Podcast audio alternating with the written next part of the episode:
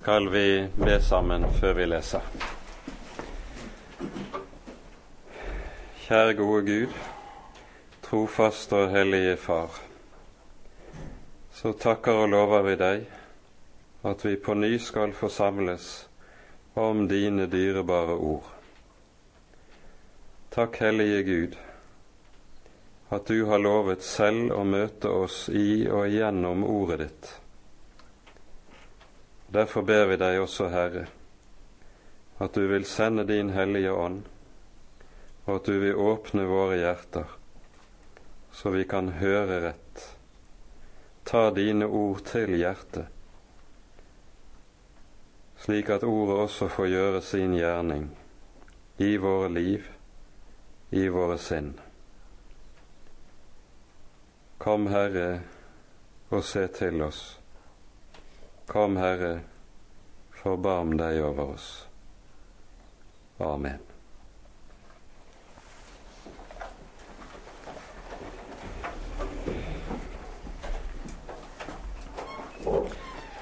Vi leser da fra kapittel to i Første Johannes brev, fra vers tolv av og utover.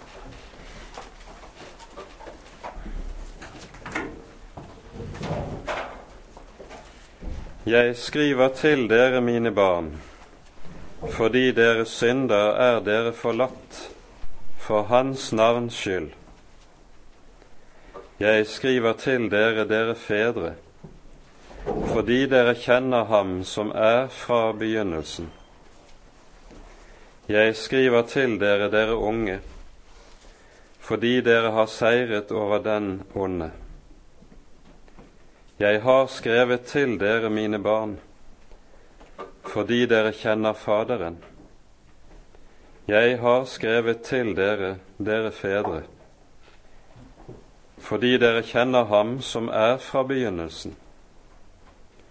Jeg har skrevet til dere, dere unge, fordi dere er sterke, og Guds ord blir i dere, og dere har seiret over den onde. Elsk ikke verden, heller ikke de ting som er i verden. Om noen elsker verden, da er kjærligheten til Faderen ikke i ham. For alt det som er i verden, kjødets lyst, øynenes lyst og storaktighet i levnet, er ikke av Faderen, men av verden. Og verden forgår og dens lyst, men den som gjør Guds vilje, blir til evig tid. Mine barn, det er den siste time, og som dere har hørt at antikristen kommer, så er det òg nå kommet mange antikrister. Derav skjønner vi at det er den siste time. De er gått ut fra oss, men de var ikke av oss for hadde de vært av oss, så var de blitt hos oss. Men det skulle bli åpenbart at ikke alle er av oss. Og dere har salvelse av Den hellige og vet alt. Jeg skriver ikke til dere fordi dere ikke kjenner sannheten, men fordi dere kjenner den og vet at ingen løgn er av sannheten. Hvem er løgneren uten den som nekter at Jesus er Kristus? Dette er antikristen, den som nekter Faderen og Sønnen. Hver den som nekter Sønnen, har heller ikke Faderen. Den som bekjenner Sønnen, har òg Faderen.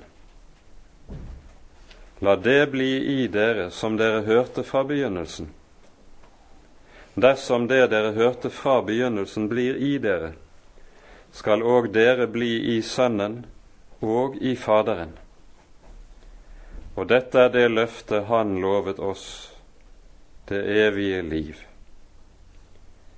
Dette skriver jeg til dere om dem som forfører dere. Og dere, den salvelse som dere fikk av ham, den blir i dere, og dere trenger ikke til at noen skal lære dere, men som Hans salvelse lærer dere alt, så er det òg sannhet og ikke løgn å bli i ham, således som Han lærte dere. Og nå, mine barn, bli i ham, for at vi, når Han åpenbares, kan ha frimodighet og ikke bli til skamme for ham ved Hans komme. Dersom dere vet at Han er rettferdig, så skjønner dere at hver den som gjør rettferdighet, er født av ham. Amen.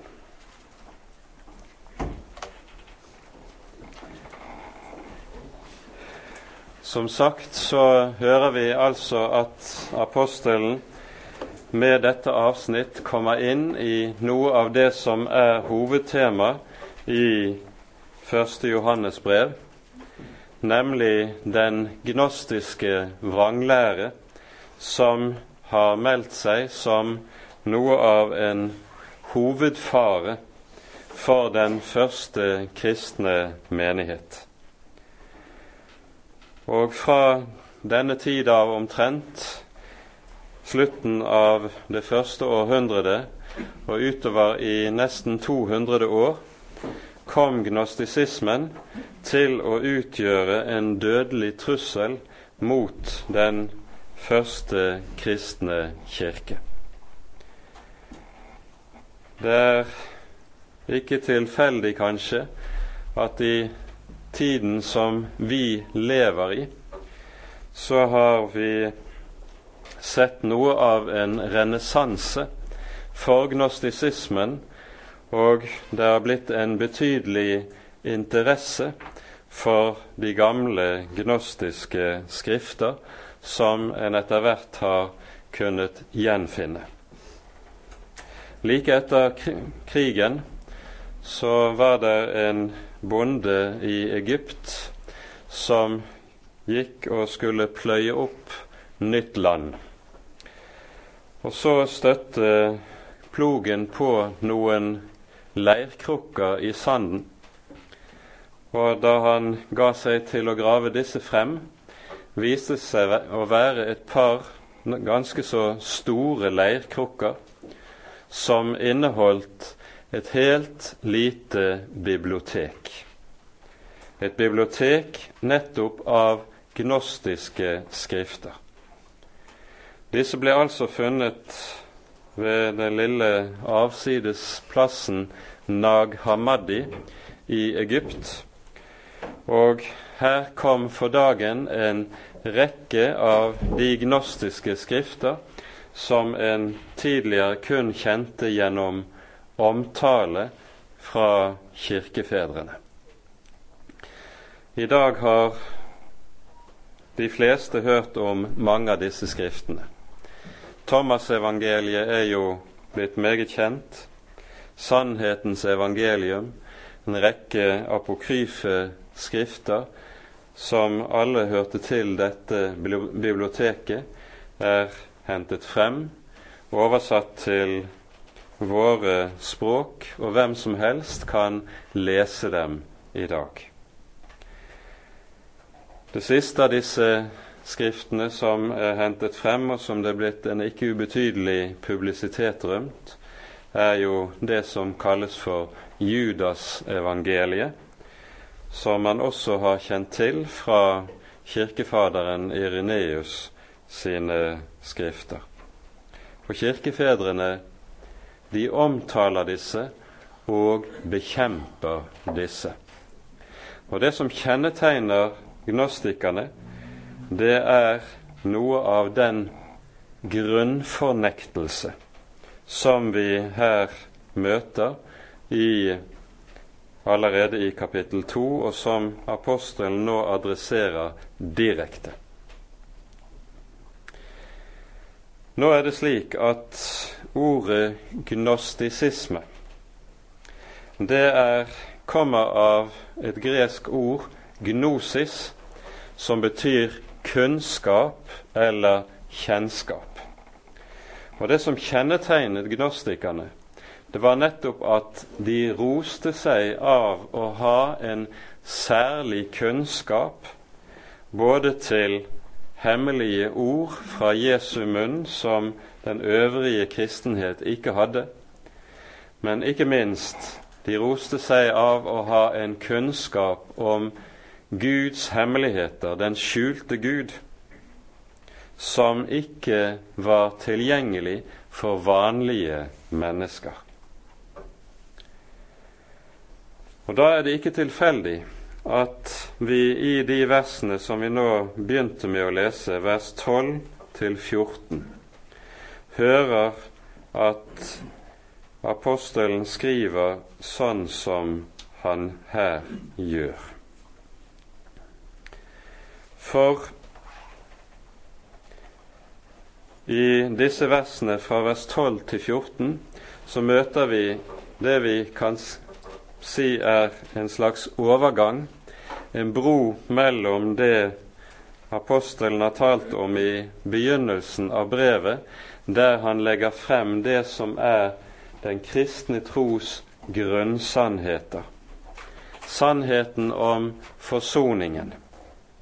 Sannheten om Jesus som talsmannen som livets ord, og sannheten om det kristne livet, som handler om at den som hører Herren til, lever i og vandrer i lyset, og derfor også bærer frukt for Gud.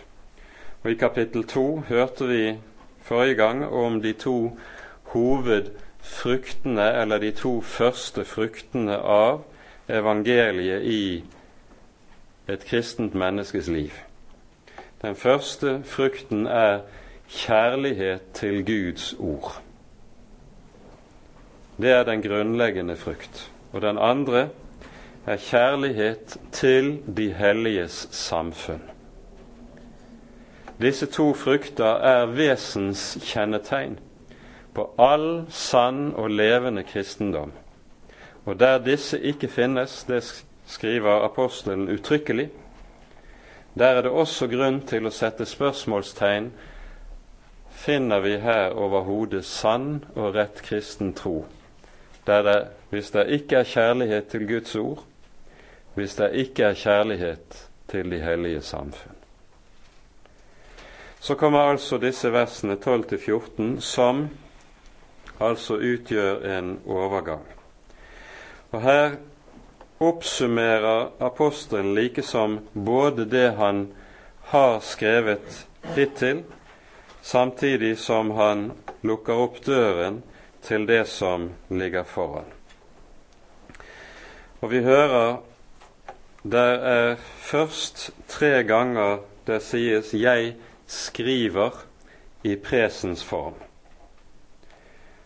Og deretter 'jeg har skrevet' i perfektumsform også tre ganger.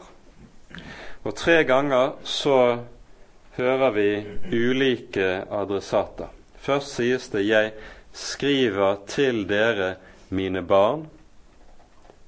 Og så annen gang 'Jeg har skrevet til dere, mine barn'. Så er adressen i neste omgang 'Jeg skriver til dere, dere fedre'. Jeg har skrevet til dere fedre. Og så til slutt Jeg skriver til dere, dere unge. Og så Jeg har skrevet til dere, dere unge.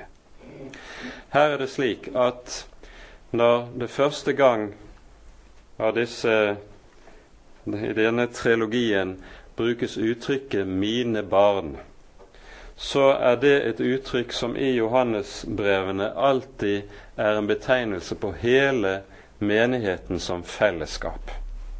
Der tenkes det på alle de kristne. De er de som apostelen kaller for mine barn. Og hva er det han da nevner når han taler til alle de troende som fellesskap? Først, i vers 12, skriver jeg til dere fordi dere synder er dere forlatt. for Hans navns skyld. Og dernest, jeg har skrevet til dere, mine barn, fordi dere kjenner Faderen. Og legg da merke til at disse to saker henger uløselig sammen. Det å eie syndenes forlatelse og det å kjenne Faderen, det er to sider av samme sak. Det hører uløselig sammen. For gjennom syndenes forlatelse kommer et menneske inn i livs samfunn med Gud. Det som nemlig stenger for gudssamfunnet, vår synd, vår skyld, det er det som tas bort i syndenes forlatelse, og dermed også stengselet som hindrer samfunn med og fellesskap med Faderen, det er borte. Og Derfor er syndenes forlatelse og det å kjenne Faderen altså noe som hører og henger uløselig sammen. Men så sier altså apostelen 'fordi dere kjenner Faderen'. Og Her bruker apostelen nettopp det ord i det greske språket som er stammen i ordet gnostiker og gnosis. Og med det så sier apostelen at det som er et rett kjennskap til Gud, det er noe som nettopp er formidlet gjennom at man eier syndenes forlatelse i Kristi blod. Det er ikke et kjennskap som kommer gjennom mystiske veier, og som er forbeholdt de få som har nådd tilstrekkelig langt i mysteriet innvielse som man kan høre om det innenfor gnostisismen. Gnostikerne kunne sågar skille mellom to ulike typer mennesker. Ene, den ene gruppen var de som var så åndelige at de var i stand til å motta slik kunnskap, og dernest de som var, så kjødelige at de var ute av stand til dette. Slik tales det aldri i evangeliet. Så sant en eier syndenes forlatelse, så kjenner en Gud, så kjenner en Faderen. Og Bibelen bruker nettopp dette uttrykket for å beskrive hva et sant og rett gudsforhold består i.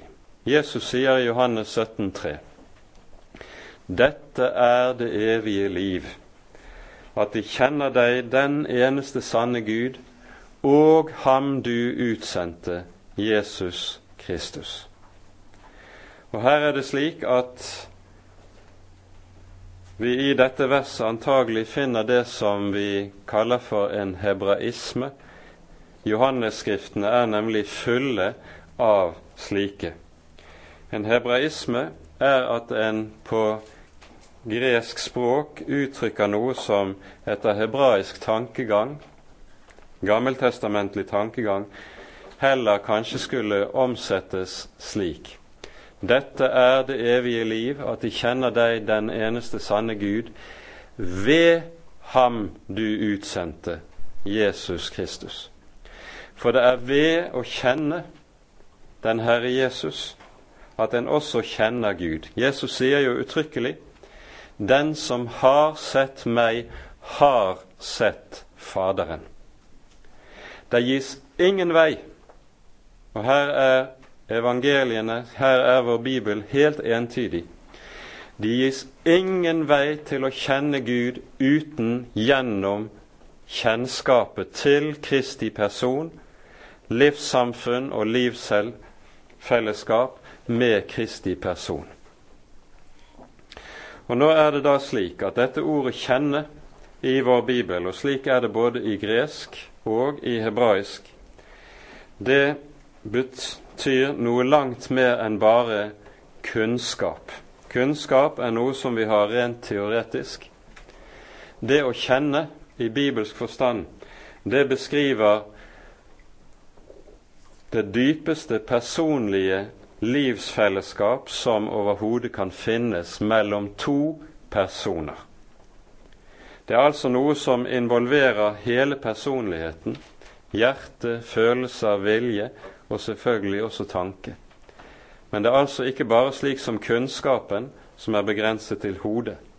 Kjennskapen omfatter hele personligheten og setter hele min personlighet i samfunn med en annen person.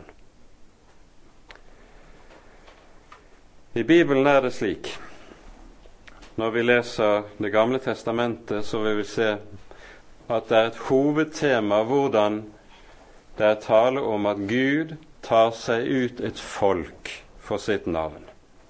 Og det tales meget om Guds folk som fellesskap i Den hellige skrift. Men før vi i Andre Mosebok hører talen om hvorledes Gud utfrir seg et folk, så hører vi i Første Mosebok hvordan Gud tar seg av enkeltmennesker.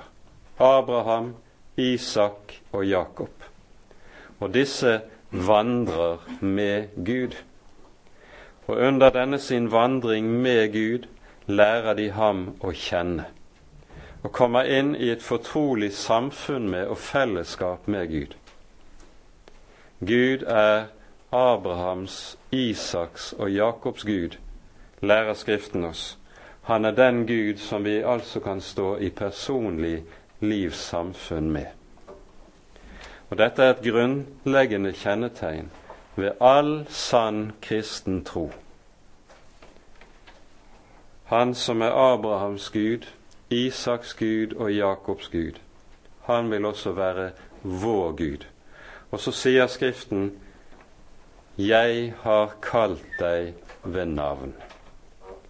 Og da kaller han hver enkelt menneske og trer inn i rapport med, i samfunn med, hver enkelt av oss. Dette er kjennetegnene ved den kristne tro. Så hører vi i neste omgang at apostelen først henvender seg til fedrene. Og både når det står presensformen 'Jeg skriver til dere fedre', og 'Jeg har skrevet til dere fedre', så sies det samme to ganger. Fordi dere kjenner Ham som er fra begynnelsen. Og her er det da slik at mens det i det vi nevnte først, det tales om å kjenne Faderen, så er det slik at Han som er fra begynnelsen, det er betegnelse på personen Jesus Kristus. Det ser vi ikke minst av innledningen til første Johannes brev. Det som var fra begynnelsen, om livets ord, det forkynner vi dere for at dere skal ha samfunn med oss. Når Jesus omtales som den som er av begynnelsen, så omtales han med dette som den som er hos Faderen fra evighet av, og som derfor også er medskaper sammen med Faderen.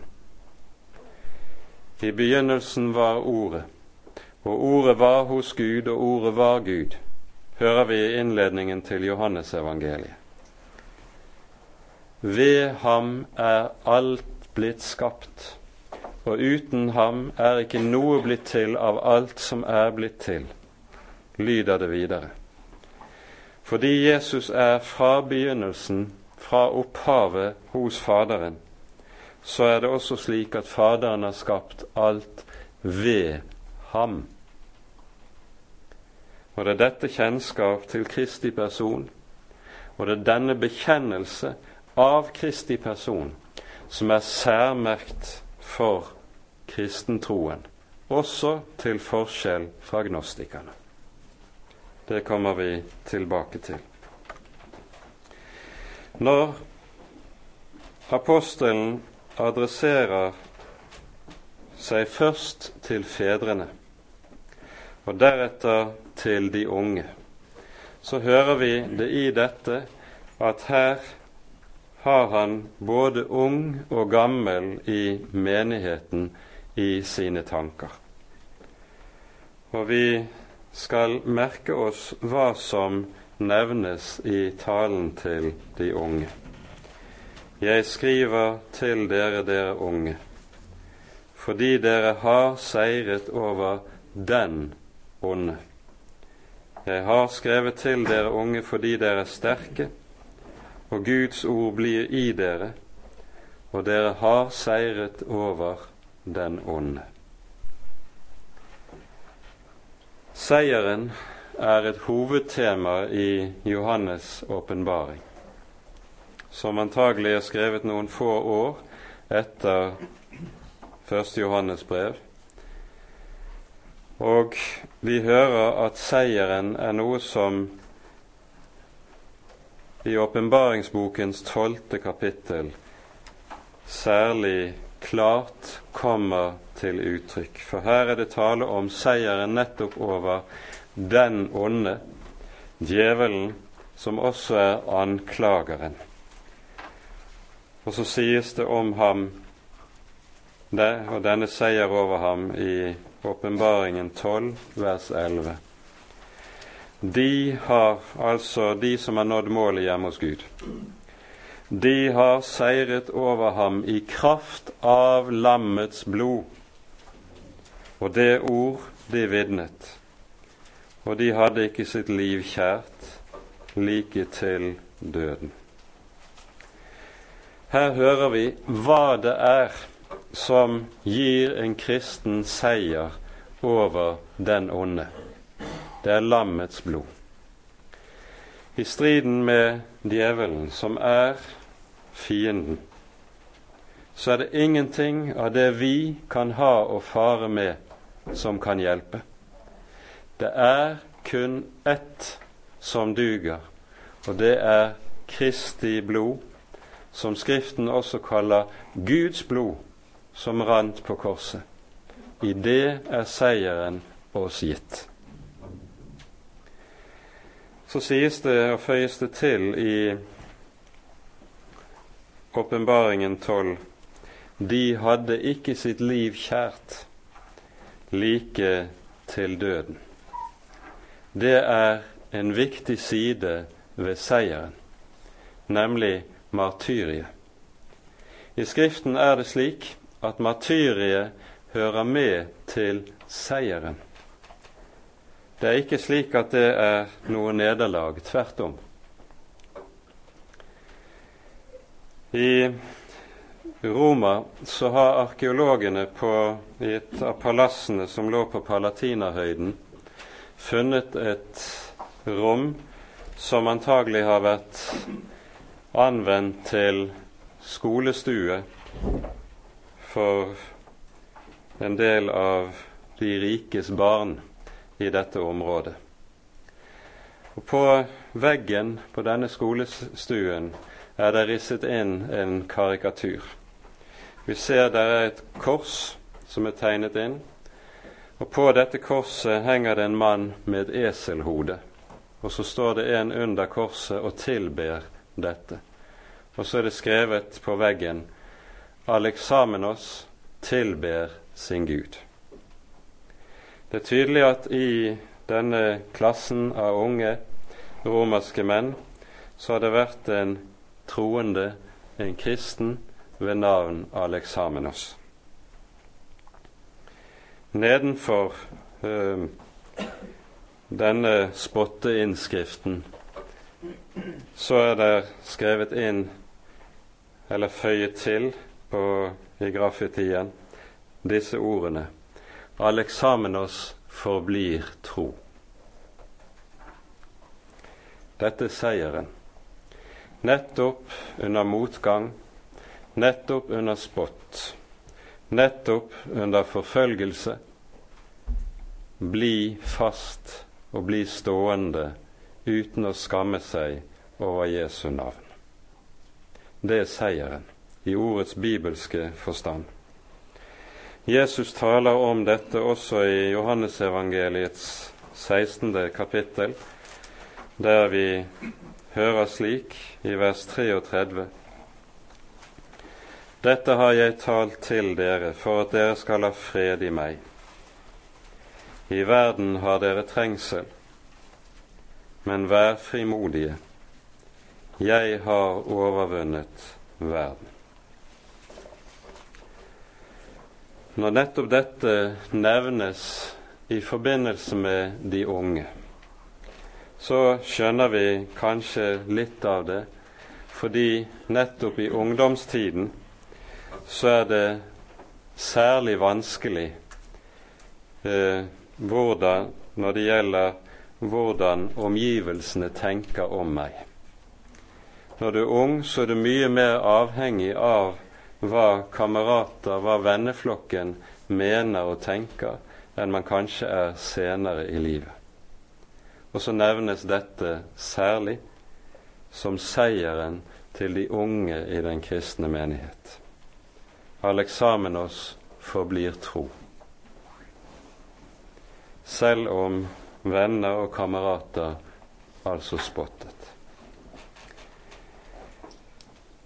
Vi skal kanskje også føye til en siste hovedsak i forbindelse med det som apostelen her gjør, når han taler med adresse både til unge og til gamle i menigheten. Gjør han det så å si i samme åndedrag. Her ser vi noe som også var ganske karakteristisk for den første kristne menighet. Og det var fellesskapet mellom unge og gamle i menighetene. Det som vi ser så mye av i vår tid og i våre dager, at den generasjons kløft, den generasjons motsetning som er i kulturen for øvrig, dette har også trengt inn i kristen sammenheng på en slik måte at vi ser en stadig dypere kløft mellom unge og gamle i kristne menigheter. Ja, sågar er det blitt slik nå at det dannes egne ungdomsforsamlinger fordi de unge ikke kan og ikke vil være sammen med de gamle. Man vil ikke ta del i den samme åndelige uttrykk. Man vil være hver sin måte å samles på. Til dette er det å si at dette er synd. Det er synd mot enheten i Kristi legeme. For den kristne menighet er ett.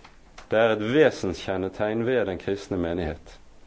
Og det å skille unge og gamle i den kristne menighet, det er å ødelegge noe av det som er den kristne menighets vesen.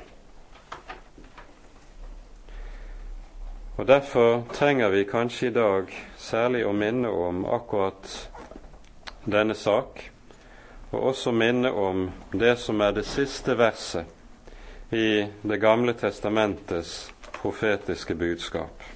Hos profeten Malakia hører vi sånn i det fjerde kapittel og sjette vers, Det gamle testamentets siste ord. Han skal vende fedrenes hjerte til barna, og barnas hjerte til deres fedre, så jeg ikke skal komme og slå landet med bann. Dette er en Guds gjerning som skjer i tider der det er en rett omvendelse som kommer inn i den kristne menighet. For unge og gamle skal ikke skille lag. Det er også sånn åndelig talt at det er nødvendig for de gamle å få lov til å være sammen med de unge, og vice versa. Det er nødvendig for de unge å få være sammen med de gamle. Vi trenger hverandre. Og Derfor er det skillet som vi i dag ser bli større og større også innen kristne sammenhenger mellom unge og gamle, det er en ulykke, og det er tegn på at denne verden stadig sterkere grad kommer til å prege den kristne menighet. Dette er i strid med Guds vilje. Så legger jeg altså merke til at når apostelen skriver som han her gjør, så skriver han til unge og gamle i samme åndedrag. Han vet at det er forskjeller, men de hører dog sammen. Vi kommer så til det 15. til det 17. verset.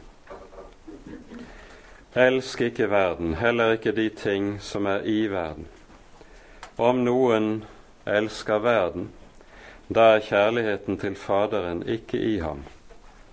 For alt det som er i verden, kjødets lyst, øynenes lyst, storaktighet i levnet, er ikke av Faderen, men av verden, og verden forgår og dens lyst. Men den som gjør Guds vilje, blir til evig tid. I Bibelen er det slik at ordet 'verden' det brukes i en rekke ulike betydninger, alt avhengig av hvilken sammenheng det dukker opp i. De to hovedbetydningene av ordet det er for det første at det kan brukes som betegnelse helt allment på ska skaperverket, den skapte virkelighet, som altså som noe som er fremgått av Guds hånd, og som derfor også er noe som er godt. Verden som skaperverk, det er noe som er godt slik Bibelen taler om det. Men så brukes verden også i en annen hovedbetydning. Og da brukes det for å betegne den frafalne, den falne menneskehet. Den menneskehet som har vendt Gud ryggen. Og når ordet verden brukes i denne betydning, så er det altså tale om noe som er og representerer en gudfiendtlig makt. Og det er i denne siste betydning ordet anvendes i vår tekst. Vi hører i kapittel 5 i vers 19 at Johannes sier om verden i denne mening av ordet Hele verden ligger i det onde. Og vi hører i 2. Korinterbrevs 4. kapittel at djevelen rett og slett kalles for denne verdens gud. Når ordet 'verden' brukes i denne betydning i Det nye testamentet, så brukes det konsekvent også i kontrast til og i motsetning til Guds rike. Jesus sier i forhøret for Pilatus Mitt rike er ikke av denne verden. Og når Jesus taler om disiplene i sin ypperste prestelige bønn, så sier han om dem de er ikke av verden, like som jeg ikke er av verden. Når et menneske kommer inn i Guds rike, når et menneske blir frelst ved troen på Jesus, da opprettes det et skille mellom en kristen og denne verden. Han, hør, han er blitt borger av et nytt rike, av et annet land. Han er blitt en borger av det Guds rike som komme skal. Hvilket innebærer at en kristen også dermed vil komme til å bli en fremmed på mange måter her i verden. Det skal en kristen vite, det skal en kristen være seg bevisst. Og så er det altså at apostelen nå sier elsk ikke verden. Heller ikke de ting som er i verden. Og Her står vi nemlig overfor noe som er en stadig fristelse for Guds folk. Og Nå tenker vi på dobbelt vis. For det første på det vis som omtales direkte her i vers 16, og som betegnes med det gamle ordet fra kristen språkbruk, ordet verdslighet. Med verdslighet så menes det rett og slett et sinn som er bundet opp imot denne verdens ting. Og verdslighet er en stor, stor fare for Guds folk. Når Jesus i Lukasevangeliets 14. kapittel forteller lignelsen om det store gjestebudet, sender tjeneren ut for å by gjestene til bords. Kom, for alt er ferdig.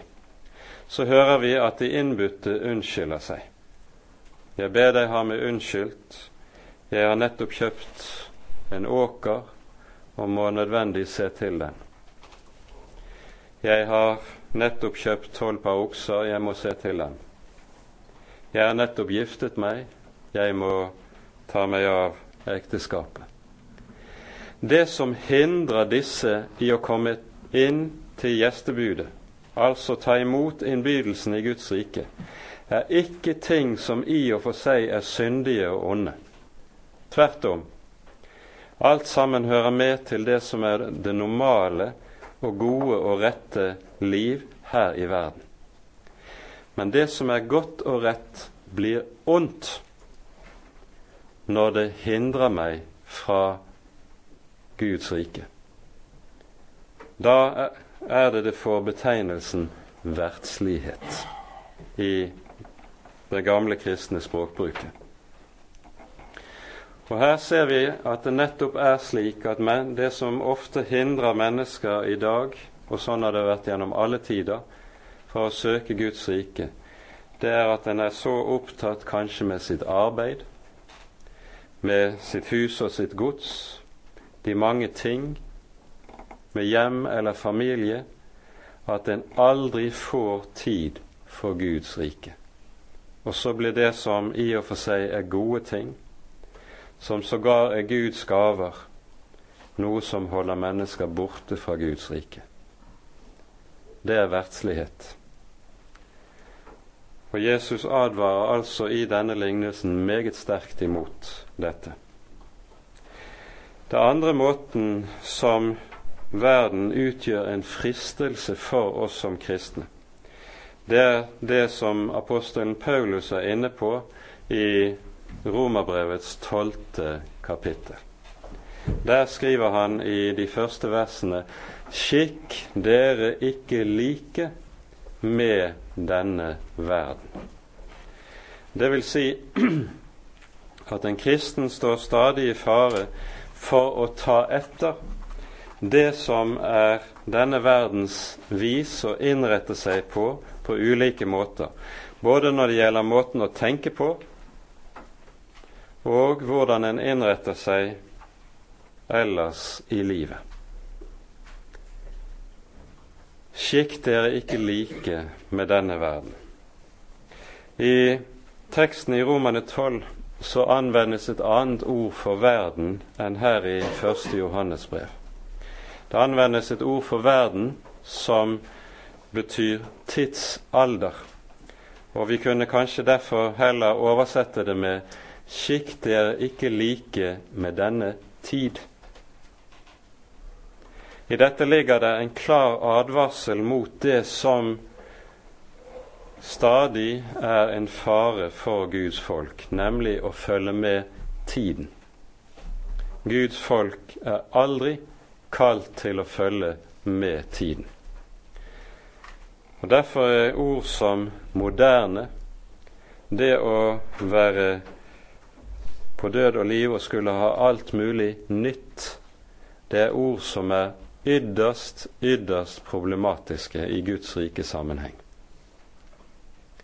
En kristen skal følge Jesus. Han skal følge Skriften. Han skal ikke følge tiden. Det er noe ganske annet. Og det innebærer uvegerlig at en kristen vil komme til å bli et menneske som går mot strømmen. For like som Guds rike ikke er av verden, så er Guds rike heller ikke av denne tid, heller ikke av kulturen, av denne kultur som vi lever i. Guds rike er et annerledes land.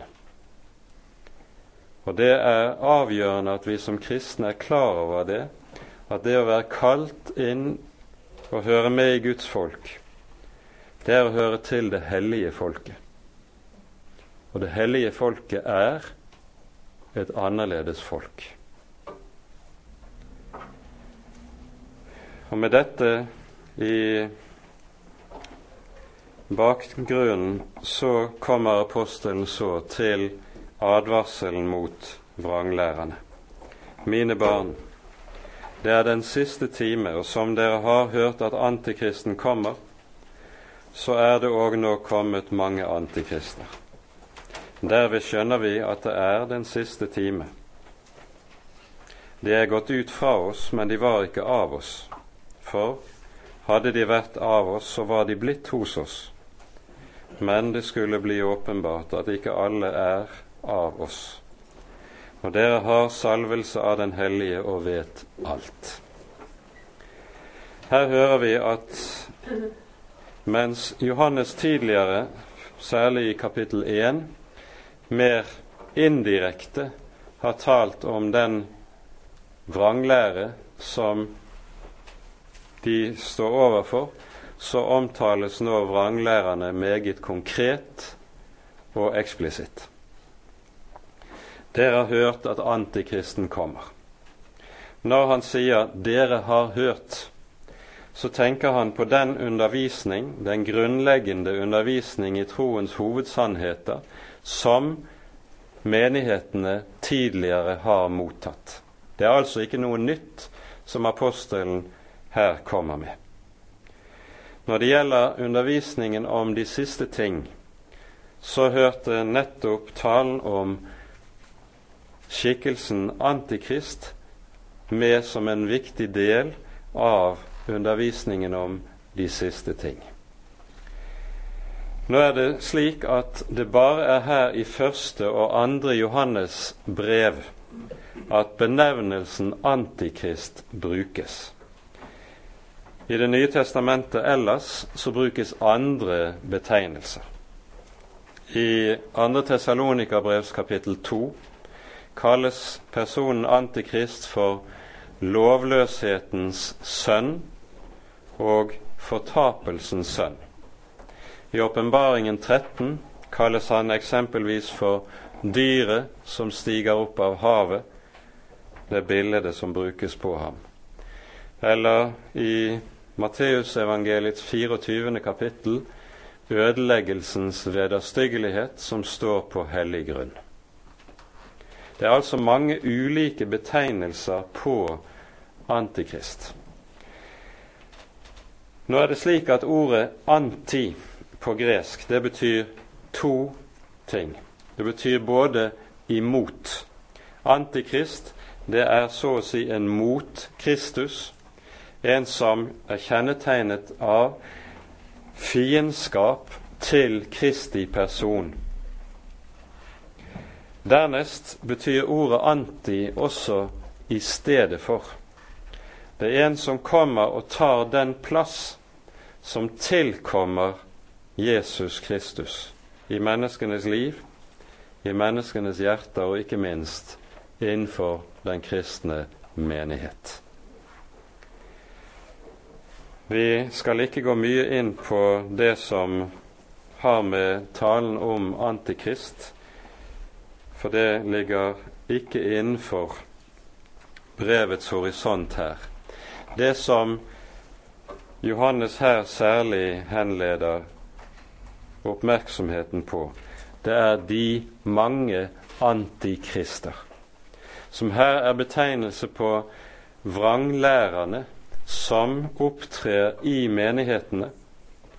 Og når de betegnes altså for antikrister, så er dette fordi at de med sin vranglære er slike som er med å rydde vei for den egentlige antikrist som en gang skal tre frem.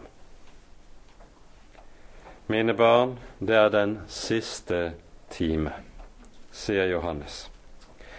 Og den siste time, eller den siste tid, det er i Det nye testamentet først og fremst benevnelsen på perioden mellom Jesu død og oppstandelse og Jesu gjenkomst. Hele denne perioden kalles i Skriften for den siste tid. Så er det enkelte steder det også brukes som benevnelse på avslutningen på denne tidsalder, altså avslutningen på det som ellers kalles for den siste tid. Men hovedsakelig så er betegnelsen 'den siste tid' betegnelsen på tidsrommet mellom Jesu første og andre komme.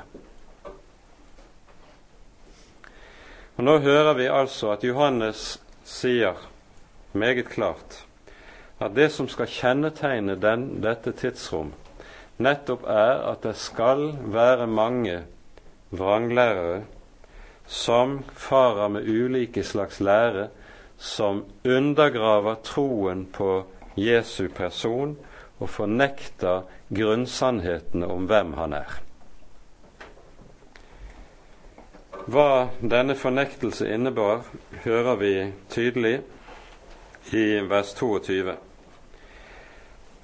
Det nektes at Jesus er Kristus, altså Jesus er Messias, dvs. Si Jesus er den som Skriften lover skulle komme og oppfylle løftet om frelsen. Han som Skriften lærer, er Guds sønn av evighet. Dette fornekter disse. Og dette er noe som kjennetegnet gnostikerne allment. Vi skal være klar over det. De er kjennetegnet av en grunnleggende fornektelse av hele Det gamle testamentet som hellig skrift. Og dermed, så Når de fornekter Kristus, Jesus som Kristus, som Messias, så ligger det under dette altså en avvisning av Det gamle testamentet, og med det også alle Det gamle testamentets løfter. Dette kan vi se i alle de, disse gnostiske evangeliene som nå er kjent, enten det er Thomas-evangeliet eller hva det nå er for noe. Det er en grunnleggende fremmedhet i forhold til og avvisning av Det gamle testamentet som hellig skrift. Mens nettopp Det gamle testamentet jo var den første kristne menighets bibel. Det var det dette, denne Bibel, den første kristne menighet, levet på og forkynte Jesus ut ifra. Vi hører jo i apostelgjerningene hvordan det på ny og på ny sies om Paulus eller Barnabas eller Apollos. De beviste ut fra Skriftene at Jesus var Messias. Ut fra Skriftene. Det var innholdet i den apostoliske forkynnelse. Det andre fornektelsen som vi hører gnostikerne seg, gjør seg til talsmenn for, det er at de nekter Faderen og Sønnen. De nekter altså treenigheten.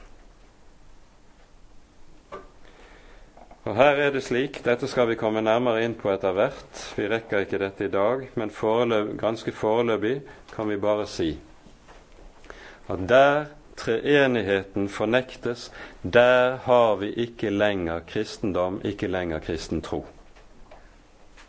Da står en utenfor kristenheten.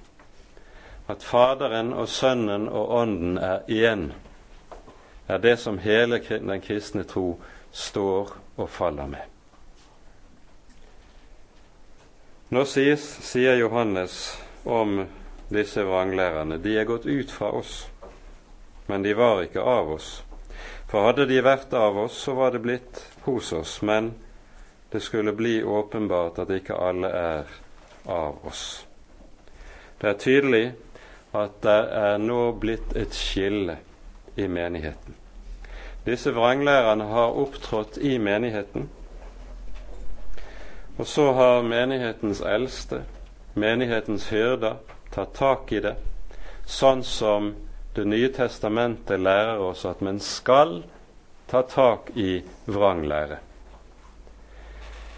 I Titus brevs tredje kapittel hører vi dette omtales, og jeg tror det er nødvendig at vi ganske kort peker på dette.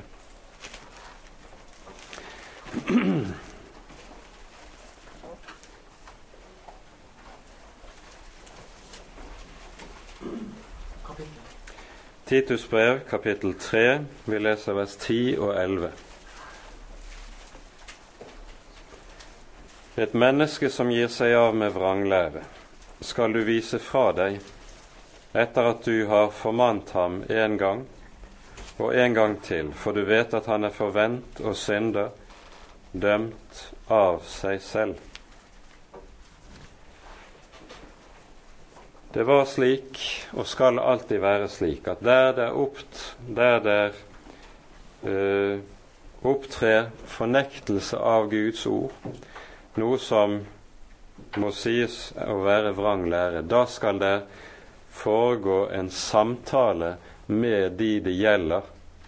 I første omgang kanskje under fire øyne, senere med vitner til stede. Bibelens lærer oss det.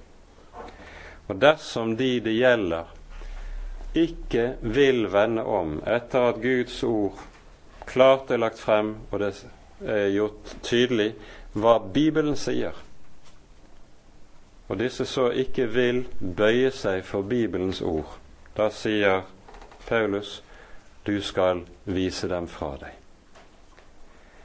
De skal skilles ut fra menigheten og altså ikke lenger regnes som hørende til den kristne menighet. Dette henger også sammen med noe av det som er vesenskjennetegnet på den kristne menighet, nemlig enheten. I Efeserbrevets fjerde kapittel så taler Paulus om dette, og han sier hva som kjennetegner Guds folk, den kristne menighet. Én tro, én Gud, én ånd, én frelser. Det er en enhet som hviler i at Gud er én, sannheten er én, og derfor menigheten én. Og Derfor skal det heller ikke gis rom for vranglære, dvs. Si åpenbar fornektelse av Guds ord. Det skal ikke ha rom innenfor den kristne menighet. For dersom dette får rom i menighetene, da lærer Skriften oss meget tydelig at dette virker som surdeig.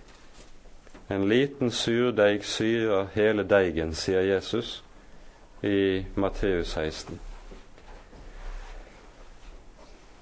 Vranglæren har nemlig det med seg at den appellerer til det naturlige eller det falne menneskets forstand.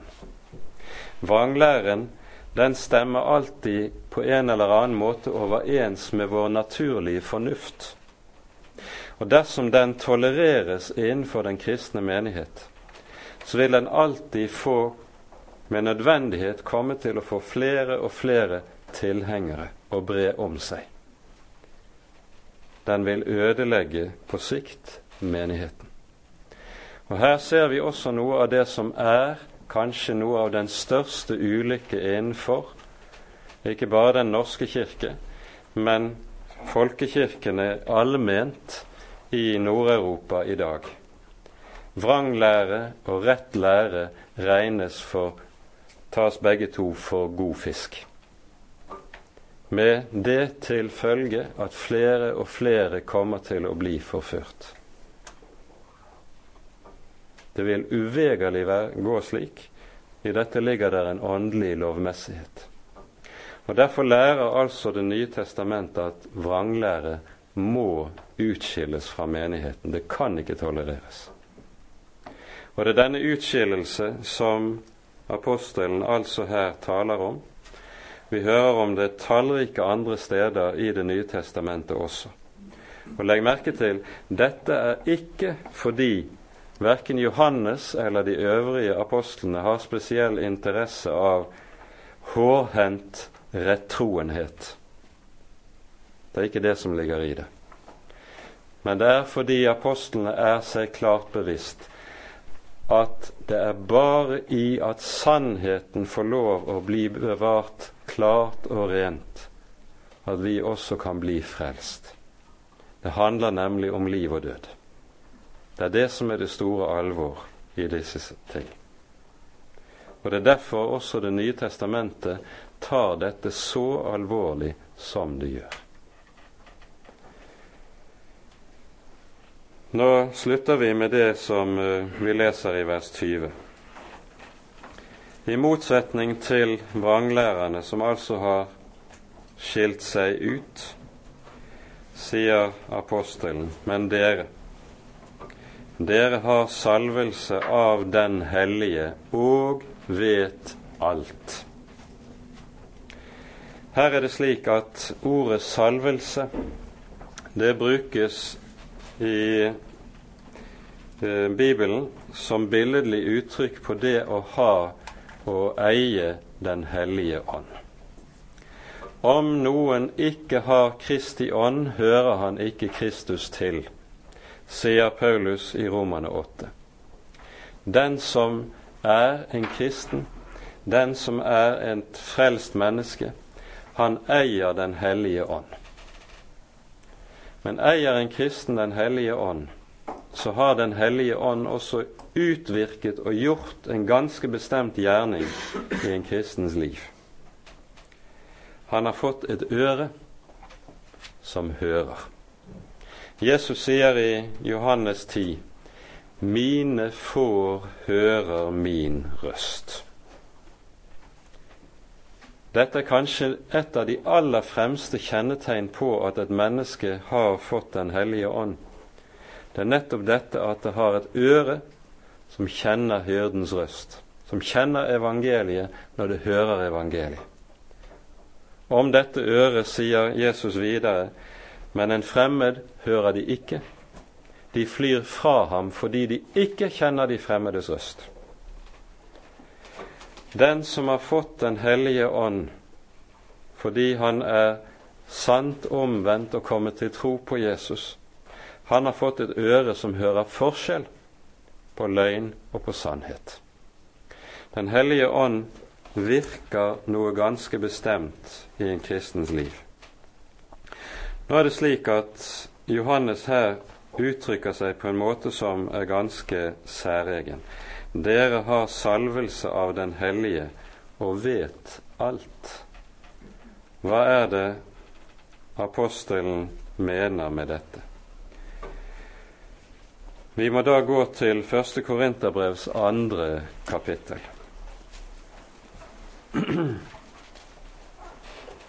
Her taler apostelen Paulus noe nærmere om hva Ånden gjør og utvirker i en kristens liv.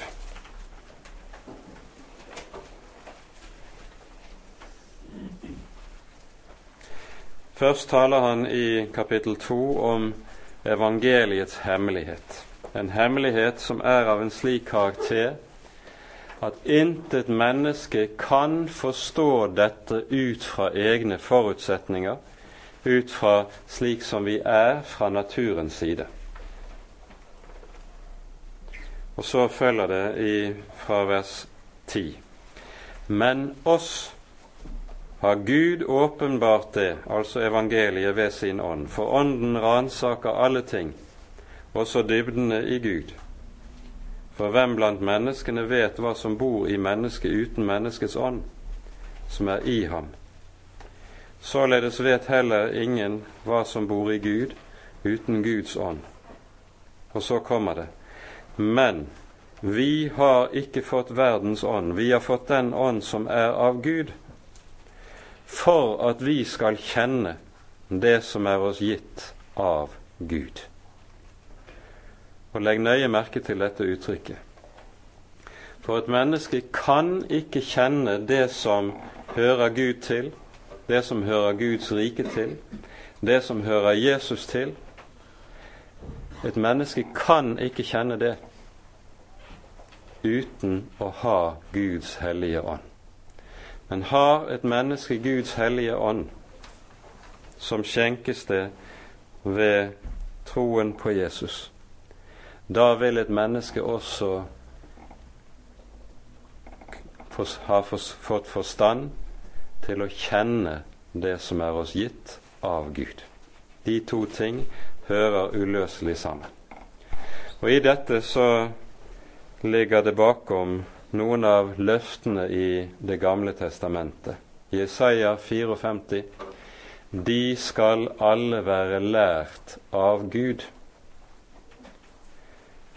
Og i Jeremia 31, et ord som vi har vært borti flere ganger, der sies det de skal ikke lenger lære hver sin bror å si 'kjenn Herren', for de skal alle kjenne meg.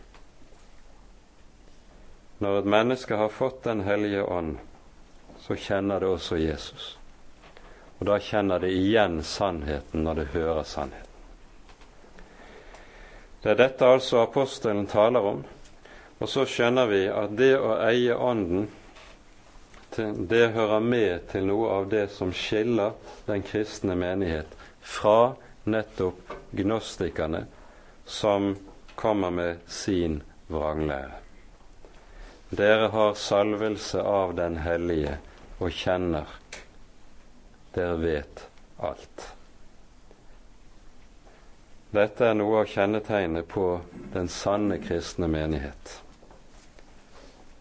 For den kjenner og vet alt fordi den holder fast på Herrens ord.